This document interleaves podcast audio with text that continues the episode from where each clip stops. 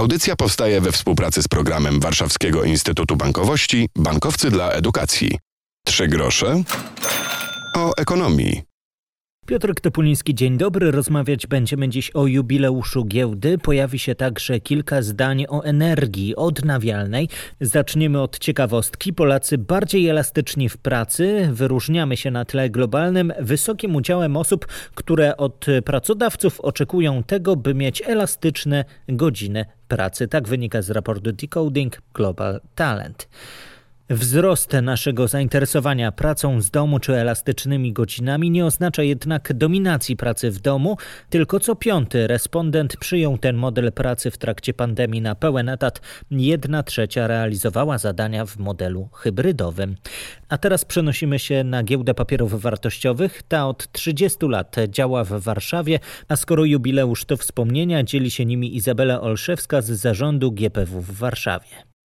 Od samego początku, czyli od 16 kwietnia 1991 roku do 16 listopada 2000 roku, giełda miała swoją siedzibę w Centrum Bankowo-Finansowym Nowy Świat, w dawnej siedzibie Komitetu Centralnego Polskiej Zjednoczonej Partii Robotniczej.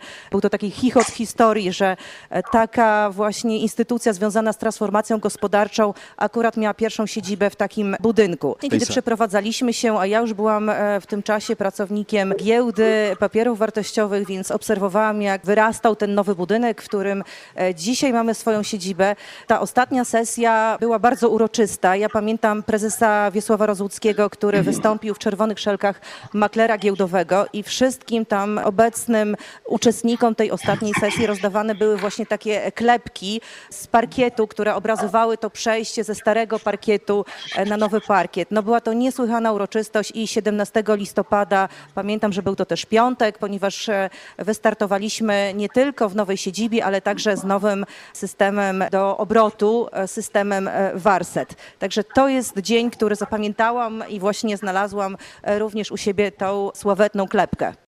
W audycji dziś 30 lat giełdy i sukces młodych zainteresowanych tymi tematami. Szymon Busiłoto, członek zespołu Orlenta z Myśliwiecka Street, zespołu, który zwyciężył w szkolnej internetowej grze giełdowej. Jak tłumaczy Szymon, a także Magdalena Brzezińska z drugiego liceum ogólnokształcącego imienia Stefana Batorego w Warszawie.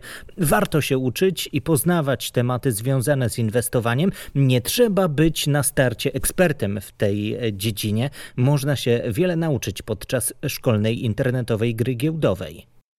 Do wzięcia udziału w konkursie najbardziej zachęciło nas ogólnie ciekawość świata, to, że to jest jednak pierwsza klasa liceum, próbujemy nowych rzeczy i właśnie to była okazja do nauczenia się nowych rzeczy o giełdzie.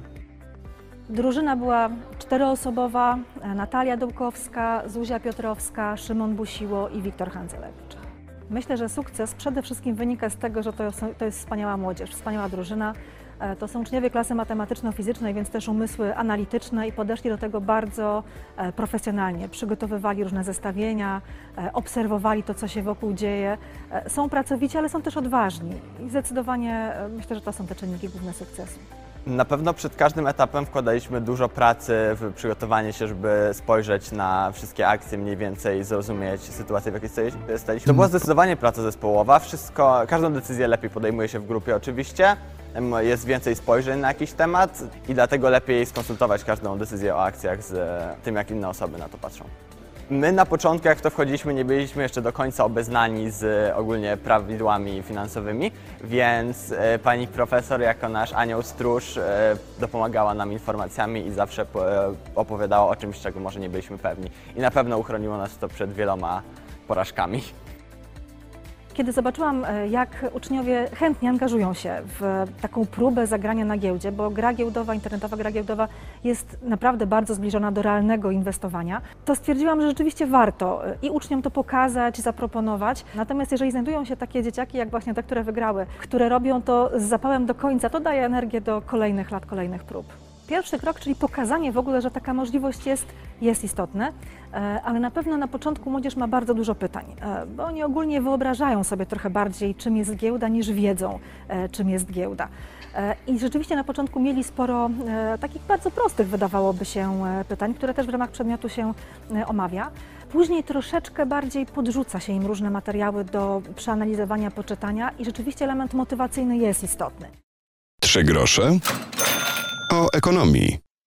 Obiecywałem tematy międzynarodowe w naszej audycji. USA do 2030 roku zmniejszą emisję względem roku 2005 o 50-52%. To deklaracja prezydenta USA podczas internetowego, ale jednak szczytu klimatycznego, w którym wzięło udział wielu przywódców krajów z całego świata, również z Polski. Stąd nasze pytanie: słońce, woda, a może atom? Jak się zmieni nasz sposób pozyskiwania energii elektrycznej? Elektrycznej, jak to powinno wyglądać, Franek Wójcicki rozmawiał z Teodorem Sawickim, członkiem Koła Naukowego Energetyków Politechniki Warszawskiej i laureatem 12 odsłony Krajowego Konkursu Energetycznego.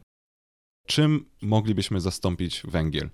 Szeroko pojętymi odnawialnymi źródłami energii, jak i źródłami z energetyki jądrowej, czyli do odnawialnych źródeł energii zaliczamy na przykład energię, energetykę wiatrową, panele fotowoltaiczne, energetykę właśnie słoneczną lub biomasę, czyli odpady po obróbce materiałów i inne materiały biodegradowalne. Musielibyśmy ich znacznie więcej zainstalować mocy w tych źródłach odnawialnych i wybudować w Polsce w końcu elektrownie jądrowe, niż do tej pory mamy, ponieważ jeśli teraz mamy około 40 GW mocy zainstalowanej w Polsce, to jeśli chcielibyśmy się przerzucić całkowicie na odnawialne źródła energii, to musielibyśmy mieć zainstalowane około 200 GW mocy. W zeszłym roku udział węgla w produkcji energii w Polsce spadł do rekordowo niskiego poziomu 70%. To o prawie 4 punkty procentowe mniej niż w roku 2019. Czy uważasz, że uda utrzymać się to tempo zmian, czy raczej nie? Przede wszystkim w Polsce e, mieliśmy do czynienia e, z jedną bardzo ciekawym zjawiskiem, czyli z rozwojem bardzo szybkiej energetyki prosumenckiej, czyli instalacji fotowoltaicznych. Nikt jeszcze rok temu nie zakładał, że w 2020 roku przybędzie aż 4 gigawaty nowej mocy w naszym systemie elektroenergetycznym z e, indywidualnych instalacji fotowoltaicznych, to wydaje mi się, że to jest pierwsza rzecz. Znaczy może w niewielkim stopniu jeszcze wpłynęła na, na to zmniejszenie cen, bo, bo tutaj przede wszystkim zużycie energii z węgla zależy od ceny, ponieważ rynek energii działa podobnie do tego jak rynek papierów wartościowych, czyli że różne firmy sprzedają swoją energię po różnej cenie i w tym roku prawa do emisji są dużo wyższe ponieważ taka elektrownia węglowa, jeśli chce wyemitować jedną tonę dwutlenku węgla, musi kupić prawa emisyjne, które aktualnie przekraczają 40 euro za tonę. Ceny do emisji będą rosły. Polityka energetyczna Polski do 2040 roku przewiduje uruchomienie w 2025 roku energetyki wiatrowej na morzu. Aktualnie e, wiatraki na lądzie spotkają się z bardzo dużym oporem wśród społeczności, ze względu na to, że dużo osób jest za tym, żebyśmy używali z nich energii, ale bardzo mało osób zgadza się na to, żeby wiatraki były niedaleko ich e, podwórka, przez co mamy bardzo dużo protestów przed nowymi e, inwestycjami i tym bardziej zasada 10H, czyli że elektrownie wiatrowe mogą znajdować się jedynie w odległości 10 ich wysokości od najbliższych zabudowań, mocno utrudnia prowadzenie nowych inwestycji. A właśnie wiatraki na morzu przede wszystkim byłyby niewidoczne dla osób, i tym bardziej znika tutaj ten aspekt społeczny, ponieważ badania nawet były, że one nie są szkodliwe dla zwierząt morskich. A teraz jeśli chodzi o techniczno-ekonomiczne, to przede wszystkim nad morzem wiatr ma dużo większą średnią prędkość w ciągu roku, co powoduje, że taki wiatrak będzie produkował więcej energii elektrycznej.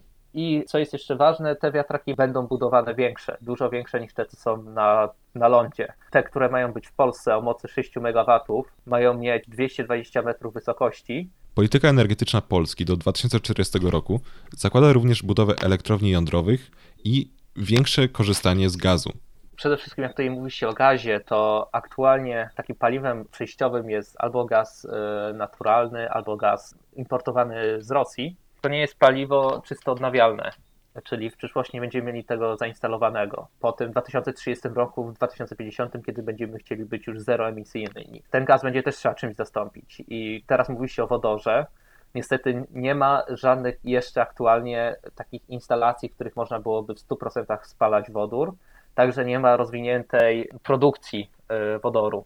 Aktualnie wodór najczęściej pozyskuje się z, z gazu ziemnego, czyli on nie jest zielony. Osobiście uważam, że przy aktualnej sytuacji musimy mieć tą elektrownię jądrową i to też o tym się dużo mówi, że po prostu nie jesteśmy w stanie utrzymać naszego systemu, zakładając brak elektrowni jądrowej. Elektrownia jądrowa to jest jedyna aktualnie znana nam technologia, która także jest bezemisyjna, to warto o tym wspomnieć. Jest bezemisyjna, a reaktory, które są teraz tworzone czwartej generacji, będą miały możliwość produkcji praktycznie zerowych odpadów promieniotwórczych. Czyli to, co teraz aktualnie jest największym problemem i aktualnym takim sprzeciwem przeciw elektrowni, energetyce jądrowej, może w ciągu 10-15 lat zniknąć. Mówił Teodor Sawicki, laureat 12 odsłony Krajowego Konkursu Energetycznego.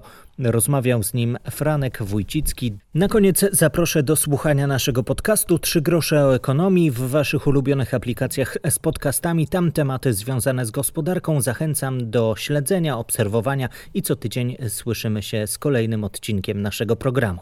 Piotr Topuliński, do usłyszenia.